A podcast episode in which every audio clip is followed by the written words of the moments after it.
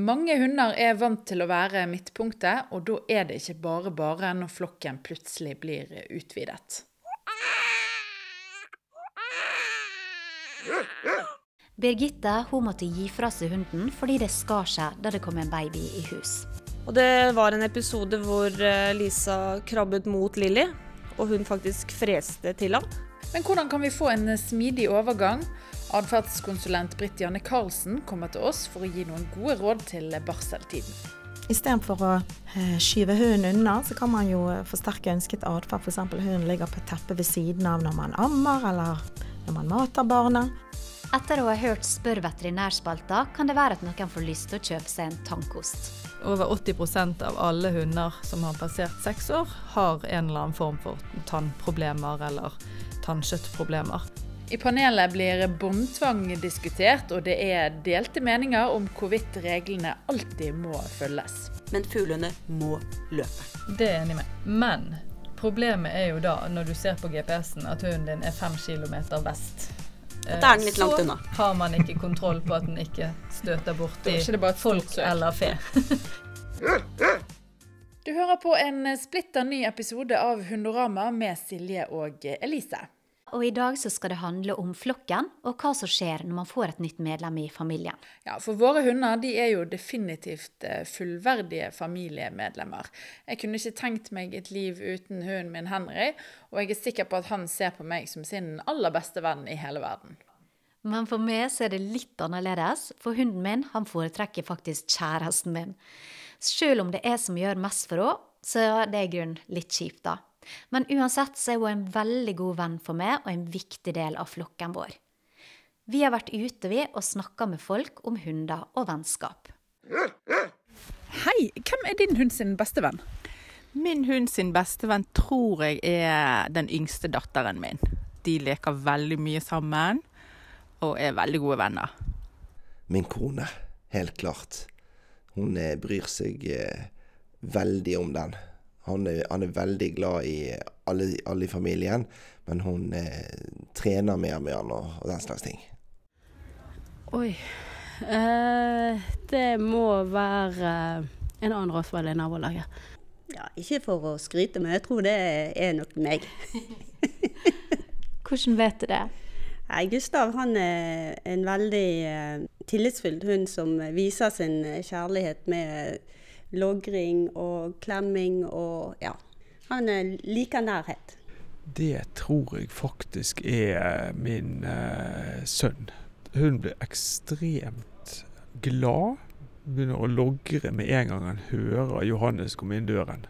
Ja, Når det gjelder godterier og mat, så er det sikkert meg. Når det gjelder eh, tur og sånne viktigere ting, så er det sikkert eh, kona mi. Hvilke hunder er det du har? Jeg har en eh, Shetland sheepdog, eh, hannhund, og en eh, collie-tispe. Liker disse hundene her barn? Ja, de er veldig, veldig glad i barn, begge to. Gustav er ganske tålmodig med barn så lenge de nærmer han seg litt rolig i begynnelsen, og at de blir litt kjent. Så, så liker han seg sammen med barn. Han er nysgjerrig på de, og trekker seg stille og rolig unna hvis han syns barna blir litt for eh, pågående. Hvordan er din hund sammen med barn? Min hund er ikke så veldig glad i barn, fordi at jeg har bare store barn. Så selv om vi har øvd mye, prøvd å prøvd på forskjellige måter å være i nærheten av barn, så blir hun litt redd. Barn som kommer løpende. De er litt sånn uforutsigbare, tror jeg. Ser du på hunden din som et familiemedlem? Ja, gussefanten han er en av oss. Det er han absolutt. Er ikke unaturlig at den også sitter og ser på oss når vi spiser middag på en stol, men den får jo selvfølgelig ikke mat. Den står på gulvet. Ser du på hunden som eh, et familiemedlem? Ja, det gjør jeg definitivt. Hun er en del av familien vår.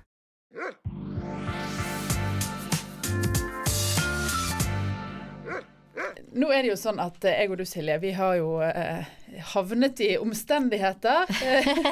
det vil si vi er gravid begge to. Eh, og det er jo litt spennende. Vi syns jo dette her eh, det, Vi gleder oss jo veldig. Og så er vi litt spent på hvordan Molly og Henry, hundene våre, kommer til å takle dette her. Er i hvert fall utrolig spent, og jeg føler også at vi trenger noen råd på veien. Jeg vet at det er mange andre som også er i en slik eh, situasjon. Så derfor så har vi invitert eh, deg, Britt Janne Karlsen, velkommen til oss. Tusen takk. Du er atferdskonsulent, også lærer i hundefag og hundeinstruktør. Det stemmer. Og du har noen tanker om hvordan vi kan gjøre det her best mulig, både for oss sjøl og for hunden. Hvis vi bare skal starte i en ende, er det slik at det nødvendigvis blir en så stor omveltning når man får baby når man allerede har hund i hus? Det behøver jo ikke bli det, men eh, jeg tror det er viktig å tenke forebyggende. Man kan gjøre en del ting på forhånd for å gjøre egentlig hverdagen eh, så god som mulig for alle. Og dette å tenke forebyggende, eh, det er jo egentlig veldig smart. For det å lære hunden av noe er jo vanskeligere enn å lære hunden noe nytt. Eh, så da kommer det selvfølgelig an på hva man har lært hunden fra før. Men det å lære en hund gjerne å vente, eh, sånn at det ikke med en gang man tenker at eh, OK, der er hundeselen, nå skal vi gå ut døren umiddelbart. Det er jo ikke helt sikkert det skjer når man da har en baby man skal ha med seg i vognen. Og der har man jo mange muligheter, egentlig. Hun kan jo vente bak en grind hvis man ønsker det, har mer en buffer. Hun kan jo kanskje vente i bilen hvis den er komfortabel og slapper godt av der. For babyen, eh, babyens behov eh, må på et vis komme først der, sant? og hun må rett og slett vente litt. For min del nå så er det sånn ca. tre måneder igjen. Hvor tidlig skal jeg begynne å forberede hunden på det som kommer til å skje? Jeg tenker det er bare til å begynne, egentlig. Det er jo noe med òg hvordan man ser for seg hvordan hverdagen skal bli. Man kan jo eh, tenke seg når man får barn, om man da skal òg eh, trille med vogn f.eks. Skal man ha en type vogn som ikke nødvendigvis bare egner seg på asfalt, men at man kan gå litt ut i terrenget òg. Så det at man kan eh, trene på å gå fint i bånd hvis ikke man allerede har det inne. Det er jo gjerne en hverdagsøvelse som er noe av det vanskeligste. Mm. Her er mange som nikker nå, ja. Fordi at uh, det er så mange fristelser. Det er så mye hun har lyst til å undersøke rundt. Så det å, å, jobbe med rett og slett turtrening, det vil jo gjøre det lettere når man da faktisk trenger det når man skal ut på tur. Men skal vi rett og slett gå med tom vogn før babyen kommer? du kan jo øve på når du triller bossbånd, da. Hvis du gjør det noen, eh, av og til en gang i uken, så kan jo du trille litt bossbånd og ha hunden ved siden av deg. Du kan ja. jo òg ta frem en vogn og tørrtrene litt på den måten. Det er jo én vri. Ja, for vi fikk jo vogn i huset i går. Oi, allerede klar. tror, det, tror det vil føles litt teit å gå rundt med en tom vogn. Ja, ja. Men ta et bossmann og trille litt på det istedenfor. Ja. Mm. For det er jo noe med noe i bevegelse man har med seg, og man ønsker likevel at hun skal gå fint i bånd. Det er jo egentlig at man, der man ønsker hun skal fungere, da er det å prøve å trene på noe som ligner. Min hund er jo vant med å være midtpunktet hjemme hos oss. Er det slik at uh, du tror at Molly vil forstå hva det er som skjer når vi kommer hjem med den der uh, lille krabaten? Jeg tror det er individuelt. Eh, nå er jo hunder utrolig fleksible og tilpasningsdyktige. Og det er jo noe med at man innfører det, dette nye da, som noe veldig positivt. Noen hunder er veldig var på endringer. F.eks. bare det å flytte eller ha et nytt liggested. Så jeg vil si det er individuelt. Eh, men som sagt, jeg har veldig troen på hunder. Jeg har jo lest litt om dette her i forkant nå, og det er et av de tipsene som jeg på en måte har merket meg veldig, da. Det er jo dette her at man på en måte skal la hunden få et sted i huset eller leiligheten der den kan trekke seg tilbake, og når hunden er på det stedet, så skal man på en måte Der er det ro. Der skal ikke man forstyrre. Sant? Og dette bør man også lære babyen eller barnet etter hvert. Hva tenker du om det?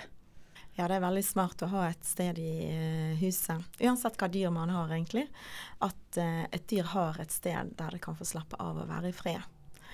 Og det vil jo være enda mer avgjørende når uh, barnet kommer i litt mer sånn løptig i hel alder. og litt mer undersøkende. Og da vil jo det være veldig viktig å lære et barn at ja, når hunden sover, da må den faktisk få lov å sove og slappe av. For det er noe med at hvis man beskytter hunden, så beskytter man faktisk barnet òg. Lærer hunden at den kan få fred når den ønsker fred. At den får lov å trekke seg tilbake. Så er jo det òg å forebygge konflikter. For det vil jo være viktig.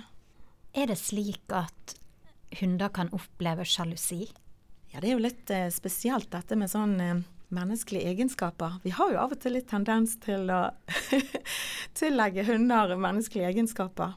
F.eks. å være sjalu eller sta.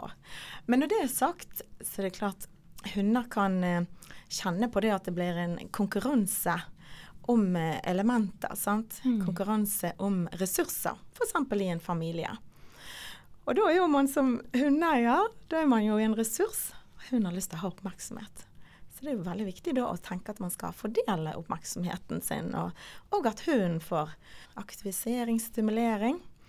Eh, får den mindre av det, at det blir veldig, veldig påfallende, så blir det en mye vanskeligere overgang for en hund når det kommer en babyhus. i hus. Og hvis man da vet eh, på forhånd at man har en litt ja, sjalu hund, hvis man kan kalle det det. Jeg har jo en hund som eh, liker ikke så godt at katten får oppmerksomhet. Mm. Eh, da kommer han og skal ha kos, eller hvis katten Mm. skal på en måte få noe, så må han få noe også. Mm. Er det bare sånn man bør forlenge den tenkingen når det kommer til babyen? At altså, hvis babyen får, så må hunden også få. Ja, i noen situasjoner så kan man jo kanskje klare det, men i andre situasjoner ja, det kommer jo litt an på òg hvis man skal amme. kan være at man vil ha helt ro og fred i den situasjonen. At man kanskje heller vil at hun skal vente et annet sted. da. At den eh, etter en tur kan få slappe av et annet sted, og at man da konsentrerer seg fullt og helt om babyen. Men i noen situasjoner så vil jo det være veldig bra å tenke og fordele seg sjøl som ressurs, så fremt det er mulig. Men hvordan kan man trene på det i forkant, da? F.eks. nå når du har en eh, hund og katt, så er jo det allerede to stykker å fordele oppmerksomheten på. Så da er jo det å prøve å eh, få en balanse i det. Men eh, ja, det er ikke sånn vi lever i en Disney-verden. Jeg husker selv når jeg hentet eh, valp, den forrige hunden min. Eh, da var sønnen min to og et halvt år. Jeg så frem til å gjøre alt eh, utrolig riktig med denne valpen. Men i hvert fall det som skjer etter fire dager, så brekker mannen min foten. Og da eh, har jo jeg eh, ett barn som er vant til å få full oppmerksomhet fra to voksne. Og så plutselig er jeg én voksen som skal prøve å fordele min oppmerksomhet på da en stykk eh, gutt som sitter på do og kanskje roper 'mamma, kom og tørk'. og så valpen som kanskje må ut og tisse. Og så har jeg en mann som ligger på sofaen og har lyst til å skifte bandasje. Så det er jo litt det der med hva skjer egentlig?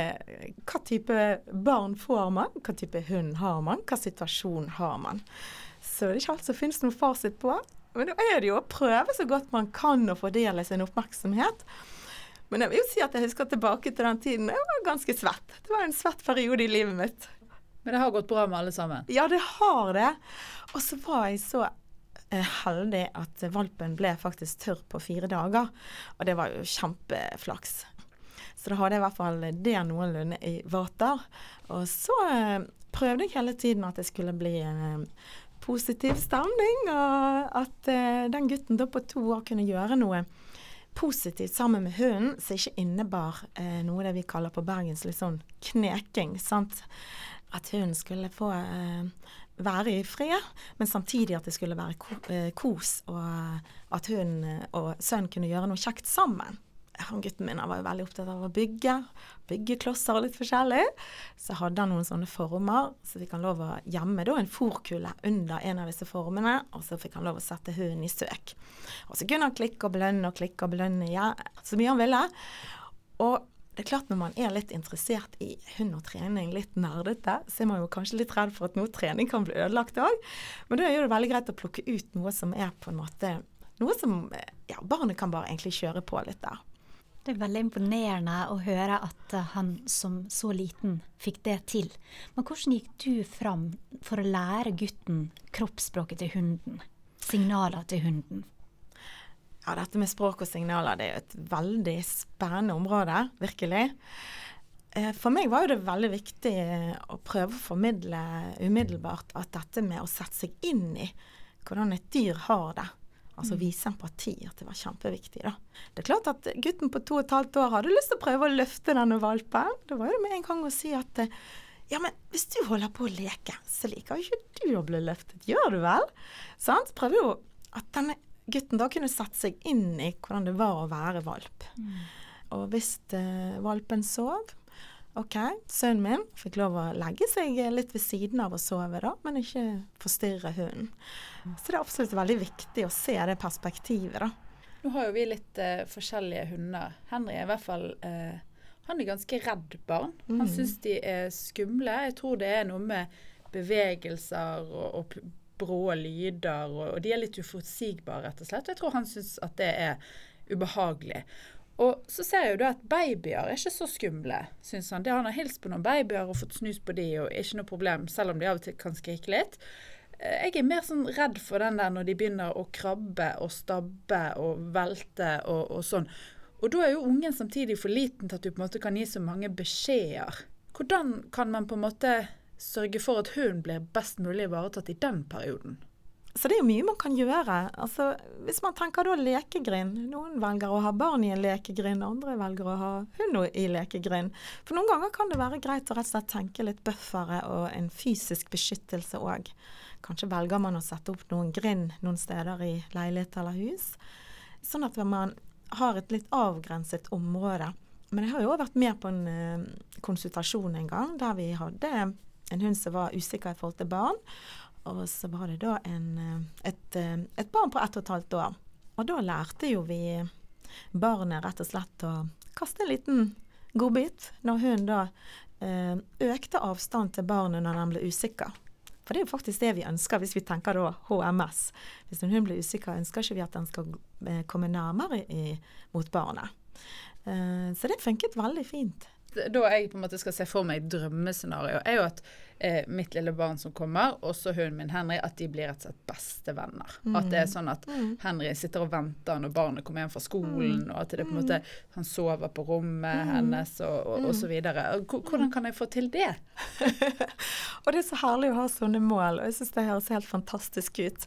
Og da er det jo rett og slett å prøve å fra starten av ha den relasjonsbyggingen egentlig så positiv som mulig. Og man kan jo tenke seg når man har en baby, istedenfor å eh, skyve hunden unna, så kan man jo eh, forsterke ønsket atferd. F.eks. hunden ligger på teppet ved siden av når man ammer, eller når man mater barnet. Eh, når min hund kom til familien, så hadde jeg Jeg ville at den skulle være med oss når vi spiste måltider. Men jeg hadde ikke lyst til at den skulle omtrent havne oppe i barnestolen heller. så var det rett og slett at jeg hadde et, et bånd på valpen. Sånn at den akkurat ikke rakk bort til barnestolen, men at jeg hele tiden kunne forsterke hunden for å ligge i ro.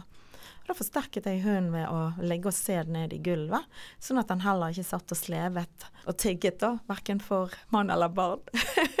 så da ble det en mer positiv situasjon. Så det er å prøve å finne alternativer i forhold til sånn man ønsker at det skal være. Og så selvfølgelig er man jo klar over det at man skal unngå å bruke ubehag eh, på en hund. Sant? Eh, Så det er jo viktig å ha fokus på det med positiv forsterkning, og egentlig fremelske det man vil ha mer av. da.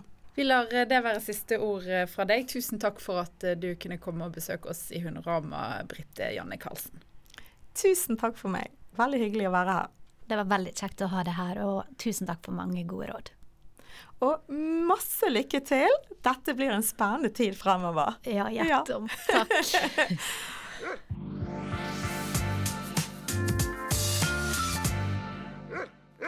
En ting er å forberede seg og legge planer, men en annen ting er realiteten.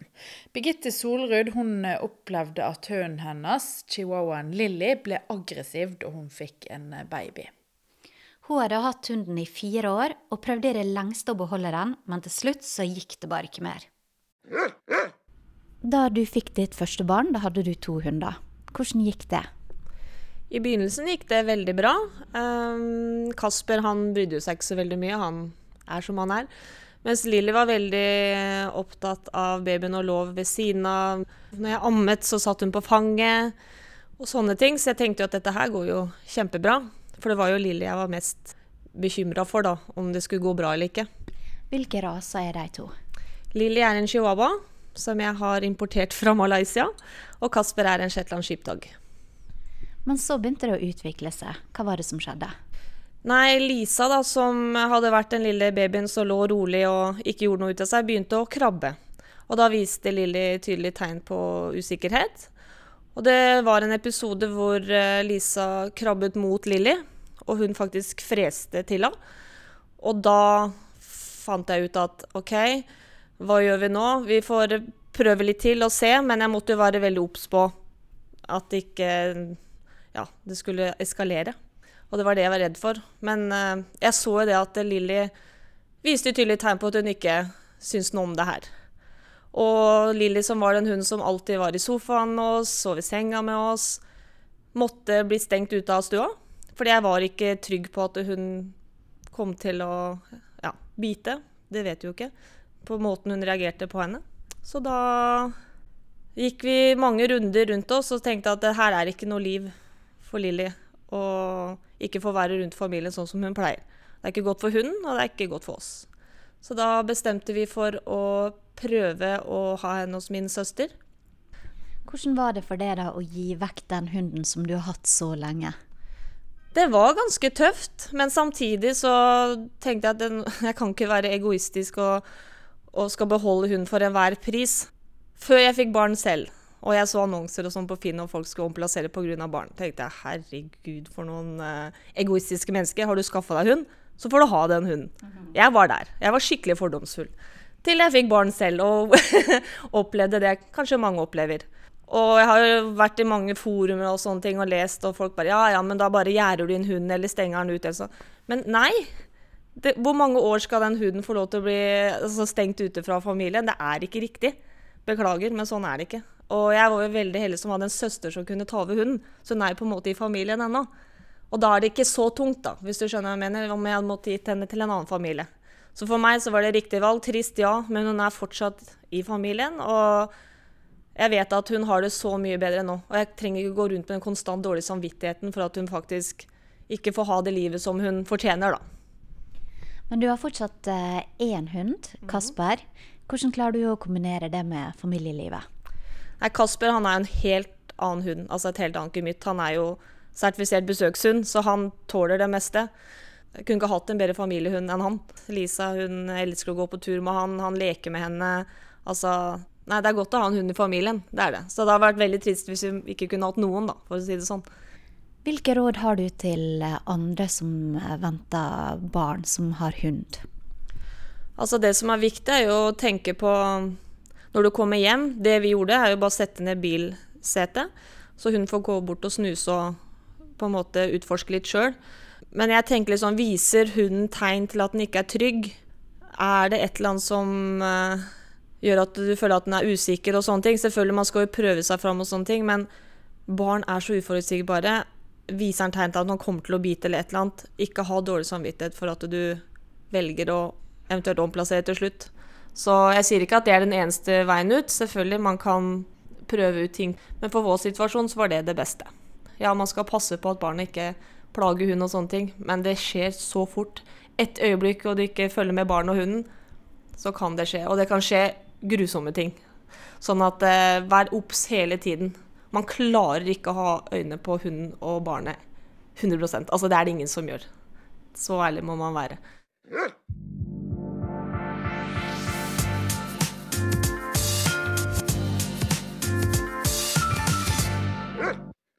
Og Elisa, du har et tips, du? Ja, for eh, nå etter at jeg ble gravid, så har det ikke blitt eh, like mange lange fjellturer som eh, jeg eh, holdt på med før, eller som jeg kanskje hadde håpet på. Eh, og da er det fint å få aktivisert hunden på litt eh, andre måter. Og da har jeg blitt ganske kreativ, sånn at av og til så gir jeg rett og slett Henry maten, tørrfôret hans, inni en sammenrullet håndduk. Jeg strør det utover håndduken, og så ruller jeg den litt som vilkårlige måter, for da må han jobbe for å få ut eh, disse matkulene. Han kan holde på i ja, kvarter 20 minutter med dette her, og så sover han veldig godt eh, etterpå. Så godt tips hvis det er skikkelig stygt vær eller du ikke fikk tatt den eh, lange fjellturen som du hadde tenkt. Det er tid for Spør veterinæren, og Camilla Meltvik, du er veterinær hos Sandviken dyreklinikk. Og i dag skal det handle om tenner. Og er det sånn at man må pusse tennene til hunden sin hver dag? Ja, det bør man absolutt. Eh, man forebygger mye tann- og tannkjøttsykdom ved å pusse tennene daglig på hunder og katter. Og man ser at eh, over 80% av alle hunder som har passert seks år, har en eller annen form for tannproblemer eller tannkjøttproblemer. Eh, og hvis man går noen tiår tilbake, så var ikke det så veldig vanlig for oss mennesker å gjerne kanskje litt mer enn noen tiår, men eh, da var det i hvert fall status om man hadde tenner. Og det er jo faktisk litt der eh, vi i enkelte settinger ser det hos hunder også. Og det tenker jeg, der bør vi egentlig skjerpe oss. Vi burde skamme oss, rett og slett. Så vi burde definitivt pusse tenner daglig på vår hund. Jeg pleier jo å gi hunden min tyggepinner. Kan det Mhm. erstatte tannpussen?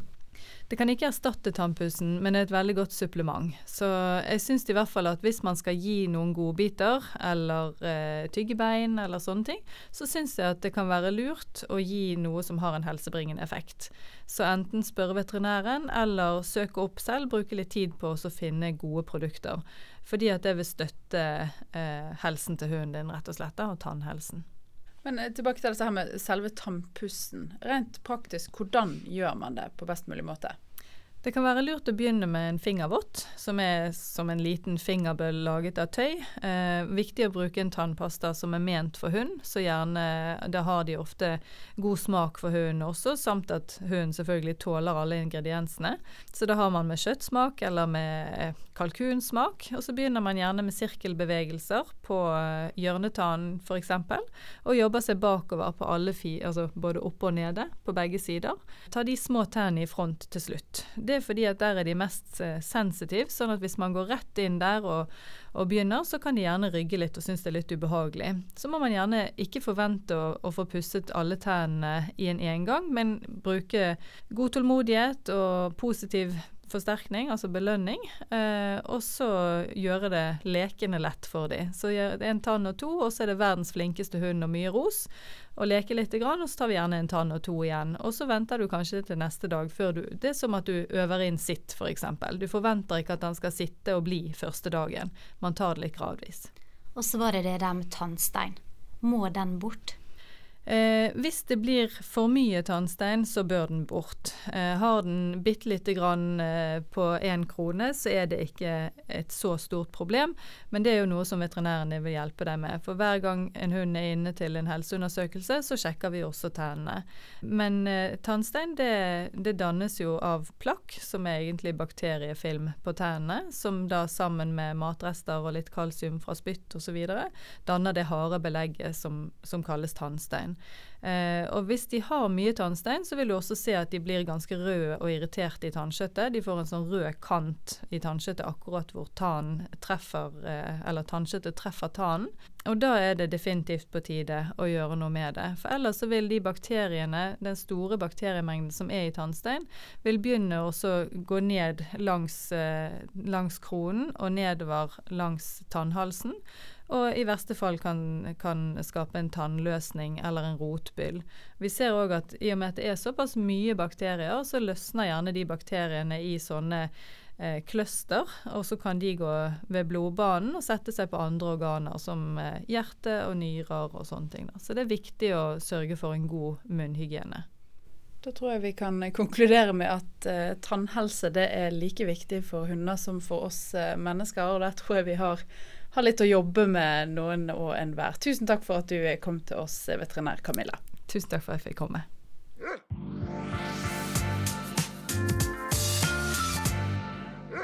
Vi har fått besøk av eh, noen hundeeiere her i studio. De skal dele sine erfaringer og pøse ut av eh, sin eh, kunnskap. Det er tid for panelet. Camilla Meltevik, du er veterinær ved Sandviken dyreklinikk. Velkommen. Tusen takk. Så har vi Vegard Bakken. Du er jo en hundentusiast. Av dimensjoner. Og Mira Donovan, du er kjent for å ha litt sterke meninger om hund. Ja.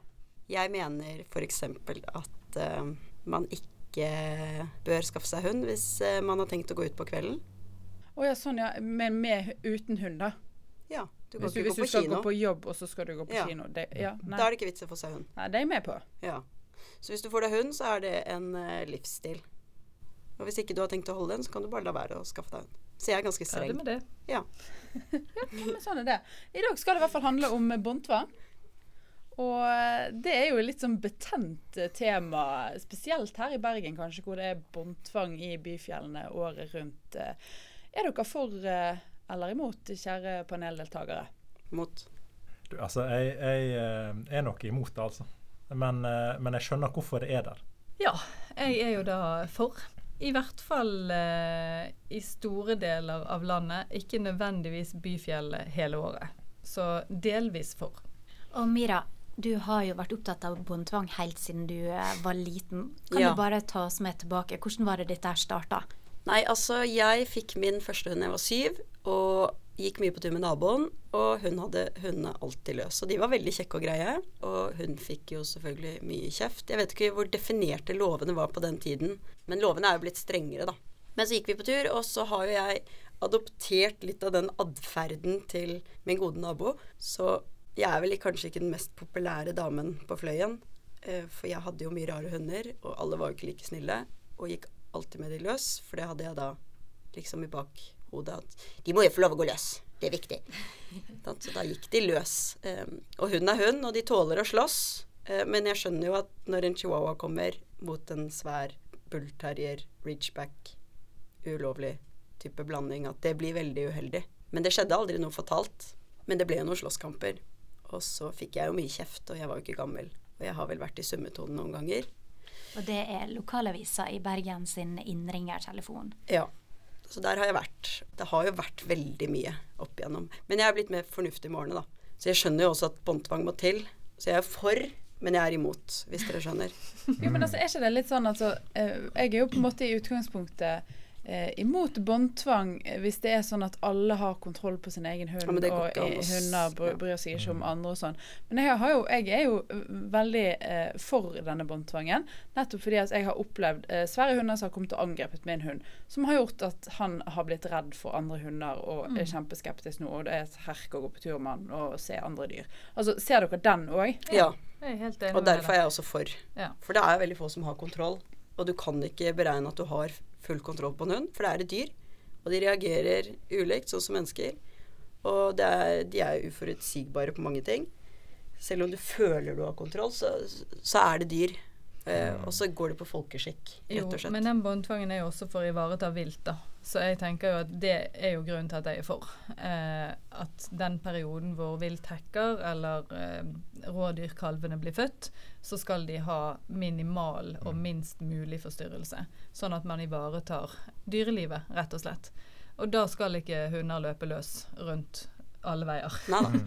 så, så derfor er jeg for båndtvang. Men, eh, men jeg må jo helt ærlig si at min hund løper veldig mye løs i byfjellet utenom hekkingsperiodene, da, eller kalvingsperiodene. Selv om det er båndtvang der, så, så må jeg jo si det. Og da er det ofte hun slipper rundt på en langline, sånn at jeg kan fysisk holde i enden hvis det skulle være behov. Men jeg slipper hun heller ikke hvis ikke jeg mener sjøl at jeg har kontroll på hunden. Fordi at hun skal ikke løpe bort til andre hunder. For jeg må si jeg er en av de som blir først irritert hvis du da aktivt prøver å trene egen hund, og så er det da andre hunder som kommer i en lang, lang fleksiline dultende borti, sant? og der står du ivrig i, i veikanten og har trukket langt opp i, i skauen, og så har du denne fleksiline-kokkeren som kommer i full firsprang. Sant? Det er jo kjempegøy. Det. Men problemet er folkeskikk. Altså hva er folkeskikk? Hadde vi bare definert det på en måte som gjorde at alle hadde samme regler, sant. Mm. Hunder skal ikke bry andre mennesker. De skal ikke gå bort og nappe matbokser og skiver ut av hendene til unger. Jeg synes egentlig det burde vært en lov. Hunder bør ikke plage andre mennesker. Ja, bør ikke plage noen. Altså Det er jo litt sånn som i Hakkebakkeskogen, da. Ja. Hvis du er snill og grei og oppfører deg fint, så kan du gjøre som du vil. Men siden alle gjør som de vil og ikke har folkeskikk, så går det jo veldig dårlig. Ja. Sant? Jo, men det er jo nettopp det. sant? Og jeg tror gjerne ikke alle har like god selvinnsikt Nei. på hvordan hunden er, og hvor god kontroll de har på Og sin. derav sin. de lovene som er så strenge. da. Nettopp. Og da blir det strengere over. Ja. Så Da nå går vi og gjemmer oss kam, ferdig med det. på fjellet. Ja. Men eh, nå skal jeg kaste ut en brannfakkel her. For er det, eh, går det litt på raser? For det, de hundene jeg oftest møter løs i fjellet uten noen eier i sikte, det er settere. Ja, det var godt du sa ikke forster. Ja, men de løper stort. Det er jo det de er avlet for. Altså, det er ingen setter som skal gå Altså, de kan gå med deg, men i utgangspunktet skal jo de ut og søke. Og selvfølgelig må vi ta hensyn til folk og alt dette her. Men fuglene må løpe. Det er jeg enig med. Men problemet er jo da, når du ser på GPS-en, at hunden din er fem kilometer vest. At er den litt Eh, langt så har man ikke kontroll på at den ikke støter borti det folk eller fe. Men det som er unikt med fuglehunder også, det er de er ikke interessert i andre hunder. Stort sett så løper de i bue langt rundt, både mennesker og hunder. Så er ikke det som er problemet. Det er båndtvangsperioden når det er vilt, og hekkeperioder og sånn. Da skal ikke de gå løs. For da forstyrrer de. Og det gjør de. Og da er det ikke noe unnskyldning å ha hunden løs. De forstyrrer. Sånn er det. Men jeg syns at det burde vært eh, egne fjell eh, satt av til folk som ville gå altså, med settere, f.eks. Fuglehunder og sånn, og, og kunne springe løst. Hva gjør vi med fuglene da? Dere må flytte til. Da til Ja, ut, uten perioder. Sant? Ja, ja, for nå er jo det bare ja, for alle fjell. tenk. Ja, Hvis man liksom hadde hatt en sånn enighet om at det var på en måte visse fjell der gikk folk med hundene løs. Der kunne de som var redd hunder, holde seg unna. Og så kunne de som på en måte Sånn som jeg, da, som, Den har jeg prøvd meg på. som har en hund som, som eh, Han kan bli både redd, men han kan jo òg føle seg truet og sikkert oppføre seg truende mot andre. Sant? Men da var det på en måte en risk de andre som gikk der, tok. Fordi at de visste at det var Ja, hundefelle. det òg blir feil, for du kan ikke ødelegge andre hunder fordi du har en kjip hund sjøl. Nei, men det er jo andre som har ødelagt min hund. Ja ja, men det er jo Ja, det er ikke noe argument for det. Vi kan ikke ødelegge Øye flere. for øye, tann for tann. på Ja. måte. Jeg blir litt sånn der, Hvorfor skal ikke min hund få løpe løs? Men det, sant, det, det gjelder jo å gå tidlig. Sant? På søndag må du ut før klokka ni. Skal du gå med hunden løs. Og da må du gå smarte stier. Og det, det er jo litt det vi lærer oss, vi med fuglehunder i hvert fall. Eh, og det er sikkert andre. Men jeg kjenner jo et veldig behov for at mine hunder må få trim hver dag. Jeg gjemmer meg. Jeg går alle stiene jeg ikke treffer noen. Jeg har ikke tenkt å fortelle hvor de er. Og tar de i bånd når jeg er ferdig. For når jeg går nedover da, da treffer jeg jo alle sammen. Og da er mine dødsfornøyd, og jeg er fornøyd. Og det er ingen som har sett meg, og ikke har jeg fått kjeft. Men nå skal vi gjøre et kjempestort sprang. Det skal handle om hva gjør du når hunden er syk. Er det slik at dere tar ut en sykedag, sier at dere er hjemme med sykt barn? Hva er det som skjer på hjemmefronten? På hjemmefronten hos oss så er det ganske likt om barn eller hund er syk. Da er de med mamma på jobb. Greit for det, da. ja, det er veldig greit. Så barn blir plassert i en liten saccosekk, sover gjerne litt der. Mens hun blir egentlig plassert i en liten saccosekk og sover litt der. Så det fungerer veldig fint. Ja, og vi er helt lik. Eh, jeg har jo en jobb eh, der jeg kan ha med hund, eller jobbe hjemmefra. Men dere burde egentlig kunne skrive ut sykemeldinger til eiere. Det kunne vi jeg. veldig gjerne gjort, men Ja. det, Så de er det så har vi dårlige, ikke de bikkjene av og myndighet til. Så at de hallusinerer og hyler og skriker og skal ut og tisse, og så skal de bæsje, og så er de oppe hele natten med dem, så må du ligge og holde rundt dem. Så må de ha pledd, så må de ha drikke på sengen, så må de ha mat på sengen. Det er verre enn en mann. altså, jeg, det, hunder er verre enn eh, menn eh, når de er syke. Det må du få svar på. Må jeg, må jeg få svare på det? Det skal litt til å være verre enn menn, da. Men, eh, men jeg, jeg ser hva du mener. Verden krasjer jo når en Ja, ja, er sjuk. fullstendig. Men det gjør det jo hos menn også, så det Ja. Ja, men det blir nok litt sånn, altså? man, man er nok litt sånn rådvill, for det er jo litt som du sier, sant. Altså, dette her med logistikken, hva gjør man når hun faktisk er pleietrengende hele dagen, og du ikke har lov å si at Altså, du har ikke syke, gyldig sykefravær, da. Da må man regne over dagene sine, hvor mange man har igjen. Og så må man i verste fall ringe til legen sin og si at vet du hva, jeg har en så syk hund, og dette er mitt ansvar, for det er faktisk eieren sitt ansvar. Og da får de få seg en sykemelding. Og det tror jeg enhver lege ville ha forstått. Nei, det tror jeg ikke. Men, eh, en, altså, Men da må du gå til en lege med hund, og så spørre om de har hund. Dette er jo ikke dedikerte fridager man har. Fridager, nei. Det er jo forferdelige dager. Ja. Det er jo ikke noe fri. Nei. Nei, men det er jo ikke sånn at man kan tenke at nå har man tatt ut Å, jeg har ikke tatt ut alle tolv i år. da, kanskje. Jeg må... Jeg har ikke tatt ut alle egenmeldingdagene mine. Da gjør jeg Nei, det nå. vet du Ja, jeg har ikke kontroll på de. Nei da. altså. Man må jo ta det når det kommer. Jeg, jeg tenkte sånn, når jeg skaffa meg hund, så endra jeg jobben min. Som gjorde at jeg tilpassa jobben min til å ha hund. Det ser du. Mm. Det er fullt mulig. Så det, det går. Det, men det krever litt endring, selvfølgelig. Men jeg tenker jo igjen, du tar jo inn et levende vesen som du, skal, som du er all kontrollen på. De fleste klarer altså Hunden er jo stort sett ikke syk så fryktelig ofte. Nei Hvis man har en normal, Men- frisk hund, da. Men man kan jo snakke med naboer også, da, og venner. Ja, det og tenker sånt. jeg. Ja, ja, dere ordner seg alltid. Eller bestemor. Prate sammen for å få logistikken til å gå på lik linje med barn. Eller så må man lage ny hundetilbud. Har du sykt dyr, så kommer jeg hjem og pleier hunden din. Det var en god idé. Hundesykepleier. Hundesykepleier. Hunde, hjem, Hjemmepleie det, det skal jeg begynne med, vet du. Hjemmesykepleier for hund. for hund.